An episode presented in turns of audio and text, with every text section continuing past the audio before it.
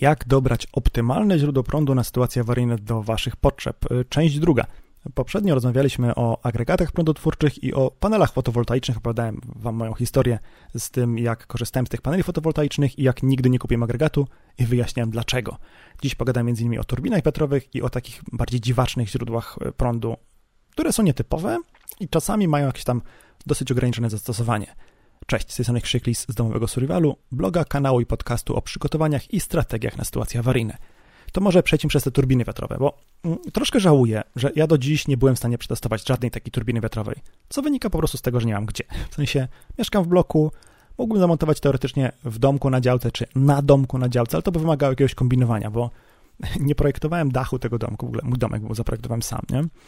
Nie projektowałem jego dachu pod kątem montażu takiego urządzenia, czyli musiałbym coś tam wykombinować, albo zrobić maszt, domek jest między drzewami, bo w sadzie, tam sobie rosną też inne drzewa, mm, więc musiałbym zrobić naprawdę długi maszt, żeby ta turbina była znacznie wyżej niż drzewa, bo w przeciwnym razie będzie miała gorsze uzyski. No i być może trzeba byłoby kupić turbinę o pionowej osi obrotu, która sobie w takich warunkach radzi lepiej, one są znacznie droższe, co więcej, taka turbina na dachu albo na maszcie, wystająca znacznie pod okoliczne drzewa, no to się rzuca w oczy. Po co mi taki neon pokazujący, krzyczący naokoło: Hej, jestem preperem, mam fajne rzeczy, wpadaj, pomogę. Po co? No, no więc nie. Może kiedyś, jak się dorobię, to będę w stanie wydać lekko ręką kilka tysięcy złotych na taką turbinę. Na razie w opisie pod filmem i w tekstowej wersji tego materiału macie link reklamowy do Allegro pokazujący, ile, jaką turbinę można kupić za kwotę nieco ponad 1000 zł. No, to nie są duże urządzenia o dużej mocy. Ten link reklamowy jest dlatego reklamowy, że jak niego klikniecie i złożycie jakieś zamówienie na Allegro, to Allegro podzieli się z nami prowizją, którą ściąga ze sprzedawców. Jakąś tam niewielką część tej prowizji dostaniemy my. Natomiast od dawna chciałem to przetestować, ale zrobiłem sobie taki eksperyment myślowy. Kilka lat temu przetestowałem, czy przetestowałem, przeanalizowałem potencjalne uzyski z tej takiej turbiny wiatrowej, nie? I wyszło mi wtedy, mm, z, z, w oparciu o takie wieloletnie dane pogodowe, że średnio rocznie więcej prądu uzyskamy z instalacji fotowoltaicznej niż z turbiny wiatrowej kupionej za te same pieniądze, nie? Czyli jak mam wydać X, to lepiej wydać X na panele fotowoltaiczne, bo dadzą po prostu chyba o 40% więcej prądu w ciągu roku niż ta sama turbina. Oczywiście liczyłem to dla, dla jednego miejsca, chyba dla warunków ze stacji pomiarowej Warszawa-Okęcie i chętnie przeliczę to jeszcze raz dla, dla aktualnych cen tych urządzeń, bo panele fotowoltaiczne bardzo od tamtego czasu potaniały. Potrzebowałem tylko jakąś konkretną ofertę turbiny y, z krzywą mocy. Musi być krzywa mocy, bo to, trzeba, to jest takie coś, taki wykres, który pokazuje, jak przy jakiejś tam prędkości wiatru, y, jaką moc daje turbina. I mając to, mogę przeliczyć. Także jeśli ktoś ma coś takiego, to dajcie znać chętnie to przeliczę. E, tym niemniej, mimo faktu, że turbina działa gorzej w moim odczuciu, za te same pieniądze, układ, w którym mamy zarówno fotowoltaikę, jak i turbinę wiatrową, jest moim zdaniem bliski optimum, bo mamy taką sytuację, że jak wieje, a nie ma słońca, to działa nam turbina. A jak świeci słońce, jest bezwieczny dzień, to mamy też prąd z panela fotowoltaicznego, nie? I ewentualnie do tego można sobie jeszcze na takie najgorsze, krytyczne momenty dokupić agregat. Ale pogadajmy teraz o, o czymś, co, co, co, co nazwijmy sobie roboczo takim domowym powerbankiem. I uważam, że to jest y, serce takiego systemu awaryjnego zaopatrzenia domu w prąd. Jak Wam wspomniałem w poprzednim materiale, w pewnym momencie zrobiłem sobie duży domowy zapas prądu. Kupiłem po prostu dwa akumulatory AGM, takie dosyć duże, nie? Jeden chyba miał 100 Ah, drugi miał chyba 80, jeden był używany, czy tam delikatnie uszkodzony, coś tam było pęknięte, więc kupiłem go znacznie taniej.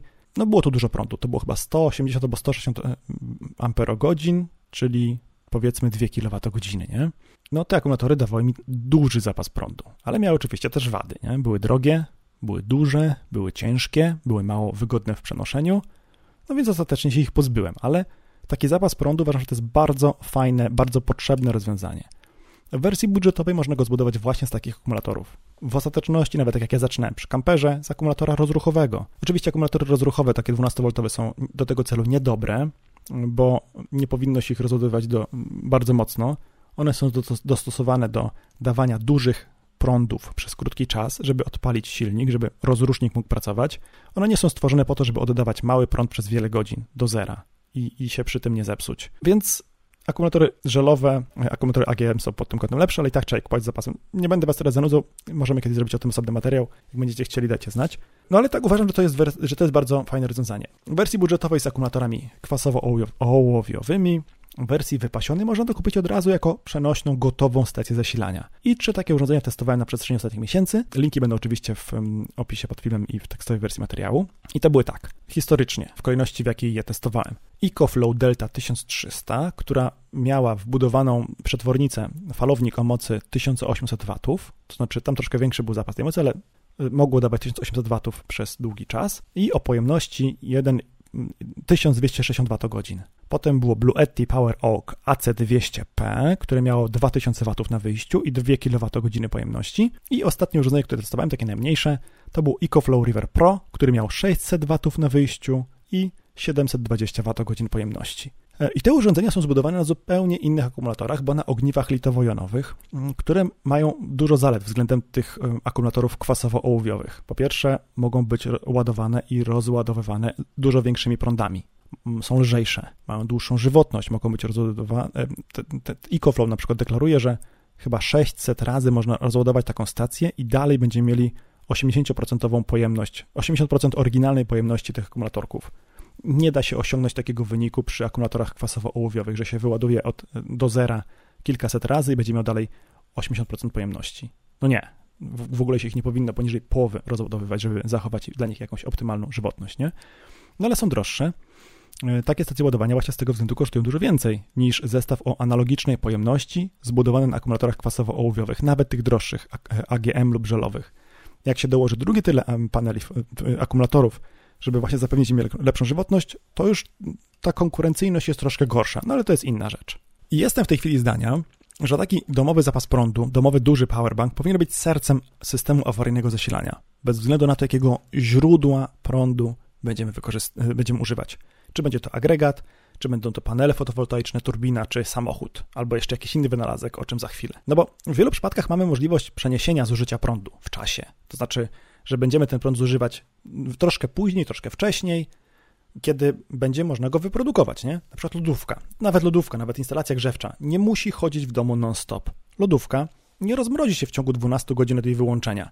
Zwłaszcza jak, jeśli ją obłożymy kocami albo styropianem, tylko trzeba uważać, trzeba sprawdzić, z której strony ta lodówka czy zamrażarka grzeje, w sensie oddaje ciepło i tej strony nie izolować.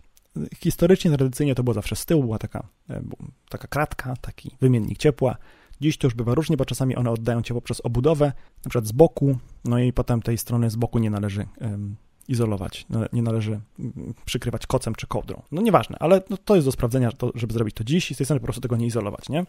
Lodówka się nie rozmrodzi przez 12 godzin, kiedy nie będzie prądu. Tak samo dom się nie wychłodzi przez 12 godzin, kiedy nie będzie prądu, kiedy nie będzie działać kocioł, podajnik, pompka obiegowa. Czyli możemy przenieść zapotrzebowanie na prąd do momentu, kiedy będziemy mogli ten prąd wytworzyć. Na przykład, kiedy będzie działać instalacja fotowoltaiczna. Albo kiedy odpalimy agregat. Możemy odpalić agregat na 2 godziny rano, na 2 godziny wieczorem, a przez ten czas, żeby był wyłączony, żeby oszczędzać paliwo. Bo to agregat na, na tym biegu jałowym nie zużywa dużo prądu, ale jednak y, prądu. Prąd on wytwarza. Śmieję się w duchu, bo mój dziadek kiedyś, jak, nie wiem, tam może 6 lat, jechaliśmy z moim rodzeństwem i z babcią i z dziadkiem, zjeżdżali na jakieś górki, dziadek mówi, o teraz produkujemy paliwo, bo jedziemy z górki, nie? Ale jak to? No bo pod, pod górkę trzeba paliwo, a teraz samochód się sam napędza z górki i produkuje paliwo. Oczywiście tak nie jest, nie? Wszyscy wiemy, ja chyba wtedy też to czułem przez skórę, stąd mi się to skojarzyło teraz. W każdym razie, agregat na biegu jałowym też zużywa paliwo, i żeby zrobić zapas paliwa na 24 godziny pracy agregatu, trzeba zrobić ogromną ilość y, zapasu, zapas ogromnej ilości paliwa. To lepiej jest odpalić go na 2 godziny rano i na 2 godziny wie, wieczorem.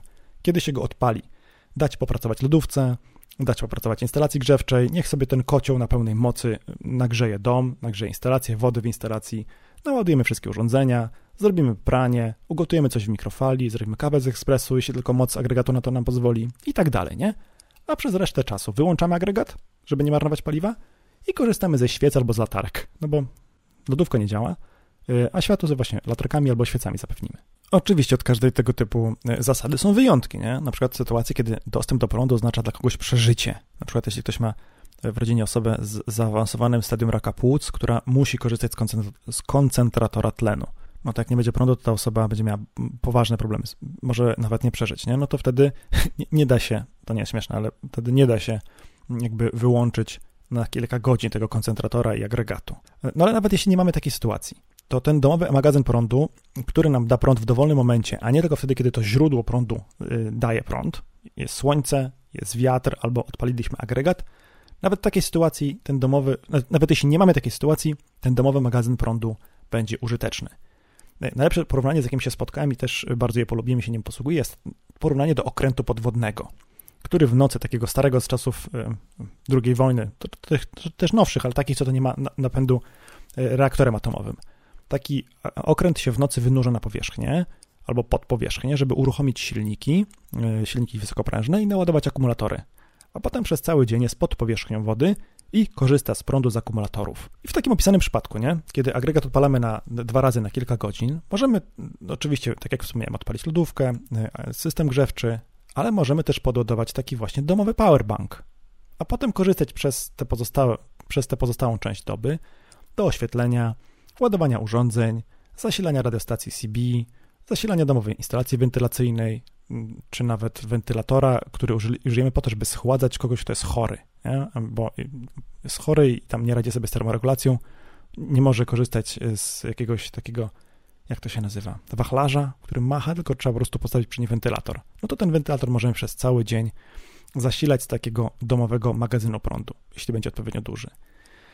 I, I, w tym ujęciu, w takim zastosowaniu, przewagą tych systemów budowanych na ogniwach litowo-jonowych jest możliwość ładowania ich większym prądem, czyli po prostu krócej trwającego ładowania od zera do pełna. Bo akumulatory kwasowo-ołowiowe to się powinno ładować prądem rzędu 1 dziesiątej pojemności, czy jak ktoś ma pojemność 100 Ah, to prądem 10 A i to wtedy trwa kilkanaście godzin ładowania od zera do pełna, nie? a te, te, te stacje się ładują półtorej godziny, czy tam dwie, od zera do pełna, co oznacza krótszą pracę agregatu. A ze względu na ten fakt, że, że są przenośne, albo w ostateczności przewoźne na kółeczkach, że można je dzięki, naładować z samochodowego gniazda zapalniczki czy paneli fotowoltaicznych, które tam producenci sprzedają, można je dokupić, można podłączyć panele innych producentów. Robi się, to, robi się z tego naprawdę bardzo elastyczne rozwiązanie. Elastyczne, ale drogie. Ale jest też jeszcze jakieś inne rozwiązanie, które daje prąd dokładnie wtedy, kiedy go potrzebujemy. Generatory na korbkę, pozwalające produkować prąd własnoręcznie albo własnonożnie. To jest rozwiązanie na sytuację, kiedy nic innego nie działa, nic nie działa, nic nie mamy, nie ma niczego, nie? Albo siedzimy w schronie, albo pod ziemią, nie? Albo jesteśmy w normalnym domu, tylko nie ma paliwa do agregatu, nie ma wiatru, nie ma słońca, a mamy coś do jedzenia, no bo jak zużywamy własną pracę, własnych mięśni, żeby zasilić taką ładowarkę na korbkę, no to potrzebujemy więcej jedzenia. I to będzie teraz autoreklama, bo w ofercie naszego sklepu mieliśmy kilka takich urządzeń na przestrzeni lat. Ładowarkę z gniazdem zapalniczkowym FreePlay, FreePlay Free Charge, dwa różne radia FreePlay, Wreszcie teraz mamy Radio Midland ER300 i linki do tych wszystkich miejsc są e, oczywiście w tekstowej wersji materiału i w opisie znaczy do tego Radia Midland, no po cholerę linki do sprzętu, którego już nie mamy w ofercie i nie będziemy nigdy mieć. Koniec autoreklamy. Mniejszego brata tego Midlanda, Midlanda ER200, kończymy testować e, przed wprowadzeniem go do stałej oferty sklepu i też niedługo zrecenzujemy na kanale i na blogu. Kolejne radio na korbkę marki Albrecht tym razem. Już do testów sobie zamówiłem, także niedługo też będę testować i będzie to wszystko na kanale. Myślę, że do końca roku się wyrobimy z obydwoma tymi materiałami. No i każde z tych urządzeń, o których wspomniałem, miałem, nie? Mm, część została mi do dzisiaj, tam część komuś oddałem, ale ja, ja z nich w ogóle nie korzystam. No, w ogóle nie korzystam z ładowarek z radyjek na korbkę, bo w ogromnej większości przypadków nie ma po co. I, i, I trudno mi sobie wyobrazić sytuację, żeby było po co. Traktuję to jako taką ostatnią, ostateczną warstwę moich zabezpieczeń na ewentualność braku prądu i uważam, że dokładnie w takim charakterze i tylko w takim charakterze należy je traktować. Jako ostatnią warstwę na naprawdę najgorsze sytuacje. No bo to radio Midland ER300 no kosztuje ponad 400 zł, nie? Jeśli miałbym do wydania tylko te 400 zł z groszami, to kupiłbym raczej składany panel fotowoltaiczny, a nie radio na korbkę. Zwłaszcza jeśli miałbym, a prawdopodobnie mam, albo ja, albo ktoś w rodzinie, samochód pod domem stojący, który jest agregatem prądotwórczym, nie? I ma radio w samochodowym akumulatorze, i ma, ma lampki, no bo te, te urządzenia mają często właśnie takie dodatkowe funkcje, jak na przykład latarka, albo y, mogą mieć jeszcze, jeszcze jakieś dziwaczniejsze funkcje, jakąś sygnalizację SOS, gwizdek na psy, znaczy takie coś, co piszcz, piszczałkę bardziej nazwijmy to, piszczałkę na psy albo kompas. Potrafią ładować zewnętrzne odbiorniki, mają często gniazdo USB do ładowania właśnie zewnętrznych urządzeń, czyli powerbank, telefon, odbiornik GPS. Midlandy ER300 i ER200 można też wykorzystać jako ładowarka do ogniw 18650 y, do na przykład latarki, nie? Bo właśnie takim ogniwem te Midlandy są zasilane, czyli po prostu ładujemy, wyjmujemy, wsadzamy do latarki. Zazwyczaj w takich radyjkach jest też bo w tych radyjkach wszystkich, o których mówię, był, a w tej e, ładowarce ręcznej FreePlay, Free, free Play, Free Charge nie było, jest zazwyczaj panel fotowoltaiczny, który jest nieduży, no bo się tam jest ograniczone miejsce na budowie, więc siłą rzeczy ma niedużą e, wydajność, niedużą moc. I należy liczyć, że ten panel ma moc wystarczającą w zasadzie tylko do zasilania radia, w sensie kilka godzin pracujemy radiem, ładujemy przez resztę dnia, albo stoi sobie na oknie, ładuje się i jednocześnie działa radio. Natomiast do innych celów też tego prądu nie wystarczy. To nie jest tak, że się da naładować ten wbudowany akumulatorek w ciągu jednego letniego, nawet, nawet jednego pełnego letniego dnia na pełnym słońcu, jak będziemy to przestawiać co kilka godzin, żeby było cały czas na słońcu pod odpowiednim kątem. I tak to wtedy nie naładuje się do pełna. A sama korbka, nie? no bo kupujemy to po to, żeby ładować siłą własnych mięśni, kręcąc korbką. Ona ma ograniczoną wydajność i to w dwójnasób. Po pierwsze, pod kątem mocy. Jaka może być moc takiej ładowarki napędzanej dłonią? Kilka, maks kilkanaście, może 20 watów. Ale drugim, jeśli nie ważniejszym ograniczeniem jest to, że ten sposób pracy takiego urządzenia jest dosyć mało wygodny, nie? Nie da się wytwarzać w ten sposób energii przez długi czas, przez kilka godzin. Wyobrażacie sobie, że siedzicie i taką kręcicie korbką przez kilka godzin? Mm, no nie. I tutaj pojawia się pomysł takiego większego rozwiązania, które też kiedyś testowaliśmy na blogu i na kanale. To był generator zbudowany w oparciu o rower, taki uchwyt do trenażera, na którym się stawiał ten rower oraz prądnicę. Czyli wtedy pedałując rowerem, zasilam, napędzamy prądnicę, prądnica wytwarza prąd, tam była jeszcze przetwornica, było ym, przetwornica w sensie falownik, przetwornicę do zasilania innych urządzeń, jakieś tam gniazdka USB i tak dalej. No i mnie się to urządzenie bardzo spodobało, ale zostało bardzo krytycznie przyjęte przez ludzi, głównie dlatego, że w ich odczuciu jest po prostu za drogie. Nie? No rzeczywiście to kosztowało więcej niż agregat, a nie było nawet w zestawie roweru. No i tutaj takie urządzenie ma już wydajność rzędu, wydajność rzędu kilkudziesięciu watów, 80, 120, 200, jak ktoś jest wprawnym kolarzem, to i 200 watów wytworzy. A pracować w ten sposób można przez wiele godzin, dzień w dzień, każdego dnia jeśli zaprzęgniemy do tego nomen omen całą rodzinę. I to nam daje prąd niezależnie od tego, co się dzieje na zewnątrz, nie? Ale to też jest rozwiązanie na ostatnią warstwę, taką najbardziej ostatnią, ostateczną warstwę zabezpieczeń na ewentualność braku prądu. Chyba, że masz pod, podziemny schron dla rodziny i zakładasz, że będziecie tam siedzieć przez kilkanaście tygodni w razie jak Putin spuści atomówkę, no to wtedy miałbyś w jednym urządzeniu zarówno źródło prądu na trudne czasy, do zasilania na przykład, nie wiem, wentylacji w tym schronie, oświetlenia, jak i coś, co wam pozwoli zachować formę przez ten czas przebywania w schronie. I mogę sobie wyobrazić, że każdy ma dyżur dwie godziny dziennie pedałowania. I to wystarczy właśnie na zasilanie, e, znów na naładowanie tego domowego, serca tego systemu awaryjnego zasilania, czyli tego domo, dużego domowego powerbanku. I z tego powerbanku później zasilamy właśnie oświetlenie, może radio, może wentylację, inne tego typu rzeczy. Nie? Ale to jest, tak jak mówię, rozwiązanie na ostatnią warstwę zabezpieczeń albo na taką dosyć specyficzną y, sytuację. I teraz przejdźmy jeszcze przez jeszcze dziwniejsze e, ustrojstwa, które testowałem. Kiedyś dostałem w ogóle, to, to, to, nie było, że dostałem to od marki do przetestowania, tylko to dostałem to na gwiazdkę od bliskiej mi osoby. Uwaga, garnek do gotowania, który miał w dnie ogniwo Peltiera, czyli takie urządzenie, które zamienia różnicę temperatur na napięcie. No i tam jakaś jeszcze do tego była elektronika.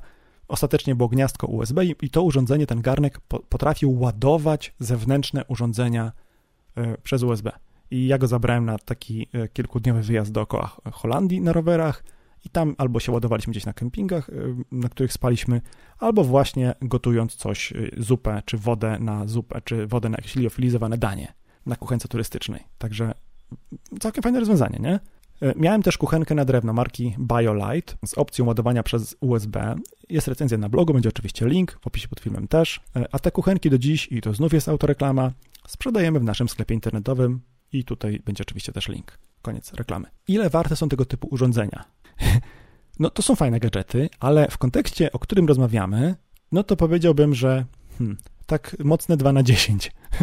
Już tłumaczę dlaczego. W skali domu jednorodzinnego.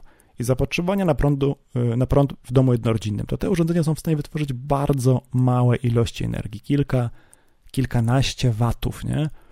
To wystarczy, żeby naładować jakiś powerbank, telefon, y, GPS, ale to zajmie wiele godzin, nie? Naładować pakiet akumulatorków do y, krótkofalówki PMR, ale to naprawdę zajmie wiele godzin, nie?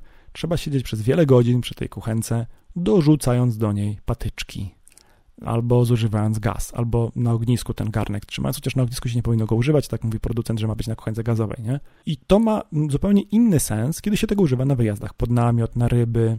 Wtedy dorzucanie przez, do ognia przez dwie godziny kolejnych patyków na biwaku nie jest dużym kłopotem, bo i tak być może byśmy to robili, gotując dla całej rodziny, czy dla całej naszej grupy, nie?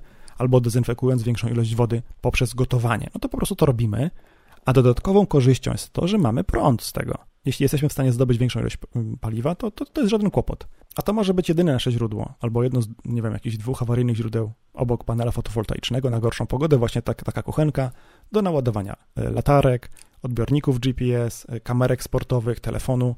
No bo dla większych urządzeń, które potrzebują więcej prądu w rodzaju, nie wiem, cyfrowego aparatu fotograficznego czy kamery, to mogą mieć za małą moc. I ja byłem bardzo, naprawdę bardzo zajarany tą kuchenką BioLite, do tego stopnia, że jak ją y, przetestowałem, pobawiłem się nią, to wprowadzimy do oferty sklepu i ona, tak jak wspomniałem, w ofercie naszego sklepu jest do dzisiaj, co dowodzi, że byłem zachwycony tym urządzeniem, bo ona łączyła w sobie kilka rozwiązań. Ja zawsze lubiłem takie rozwiązania, które łączą kilka rzeczy, zaspokajają jednocześnie kilka potrzeb. Kupujesz raz i masz kilka rzeczy.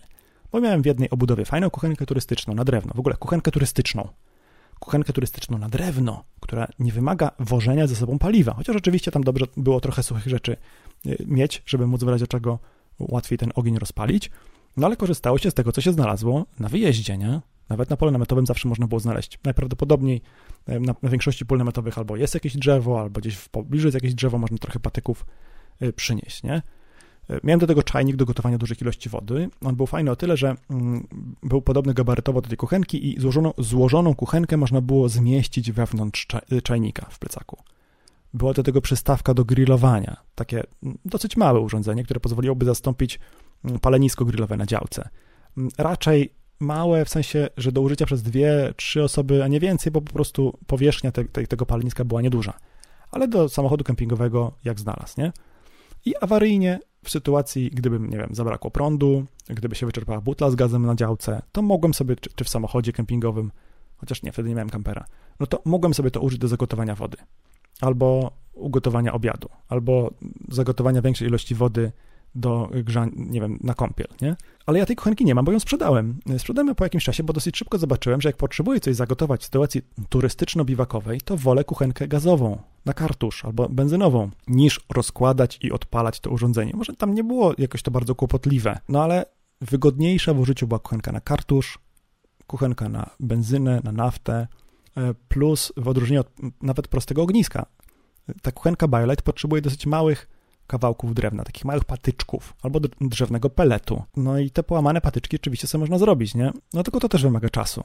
I dużych kawałków drewna się tam nie spali. Do ogniska można wyłożyć wielki, długi patyk, po prostu spalając go po trochę, dosuwając go, no do tej kuchenki się nie dało.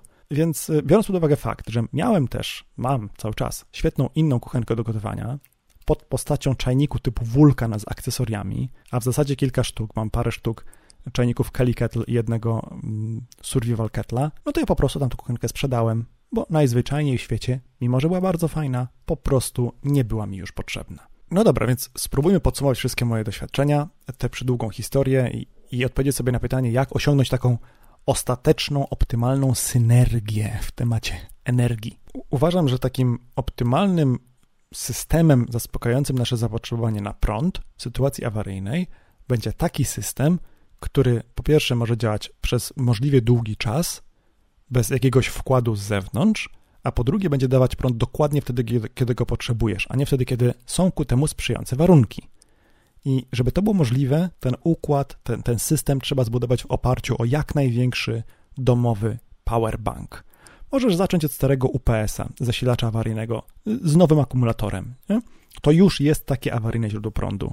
Ten akumulator możesz później ładować jakimiś sposobami. To nie musi być specjalny akumulator AGM czy akumulator żelowy. Możesz wziąć prosty akumulator samochodowy i zamiast UPS-a tanią przetwornicę 12 na 230, z której będziesz korzystać w samochodzie w razie czego. I w domu mieć ten drugi akumulator samochodowy, nie? Ten powerbank domowy, ten domowy powerbank będziesz ładować i rozładowywać stosownie do potrzeb różnymi sposobami. Po stronie źródeł prądu, czyli źródeł, które będzie, będą ładować to urządzenie, ten, ten, ten powerbank i dawać prąd, kiedy pracują, możesz sukcesywnie do niego dokładać kolejne panele fotowoltaiczne, generator rowerowy, turbinę wiatrową. Możesz go w ostateczności zanieść do samochodu i ładować na pracującym silniku, nie na wolnych obrotach przez jakiś czas. Możesz podłączyć do agregatu, agregatu prądotwórczego, jeśli agregat ma wyjście na 12 V, albo użyjesz agregatu i prostownika.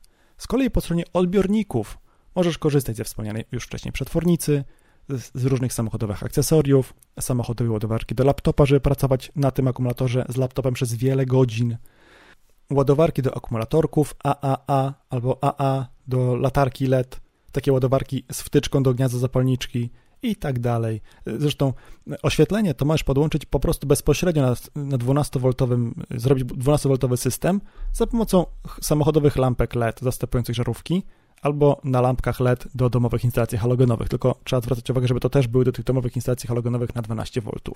Do tego akumulatora podłączysz CB radio, radio samochodowe, a wszystkie mniejsze urządzenia, telefon, GPS czy latarki na USB, naładujesz po prostu korzystając z samochodowych ładowarek do telefonu. I to w moim odczuciu jest rozwiązanie optymalne, bo daje prąd, kiedy go potrzebujesz, bez wkładu z zewnątrz. No, jak masz te panele fotowoltaiczne albo turbinę, nie? Jeśli zamiast robić coś takiego własnoręcznie, wolisz y, kupić jakieś gotowe rozwiązanie, no to polecam któreś z urządzeń albo EcoFlow, albo stację Bluetti. Z kolei, szukając dobrego agregatu prądotwórczego dla domu, wybierz taki, który ma odpowiednią moc, z niewielkim zapasem tej mocy, gdyby trzeba było coś y, nadspodziewanego y, włączyć, nie? Tylko nie zakładaj, że będziesz nim zasilać cały dom przez całą dobę, włącznie z boilerem do grzania wody i elektryczną kuchenką i kuchenką mikrofalową i ekspresem do kawy i pralką i tak dalej, bo szkoda paliwa i szkoda pieniędzy na przewymiarowany, zbyt duży agregat. Zrób do tego agregatu jak największy zapas paliwa, tak duży, jak jesteś w stanie, jaki jesteś w stanie bezpiecznie przechowywać i regularnie wymieniać. Najlepiej w skali roku, żeby to paliwo nie leżało dłużej niż rok. Optymalnie, żeby to było to, to samo paliwo, które zasila samochód. Zrobienie takiego holistycznego, całego układu zestawu awaryjnego zasilania z tym domowym powerbankiem to jest naprawdę proste i pokazaliśmy to na tym filmie.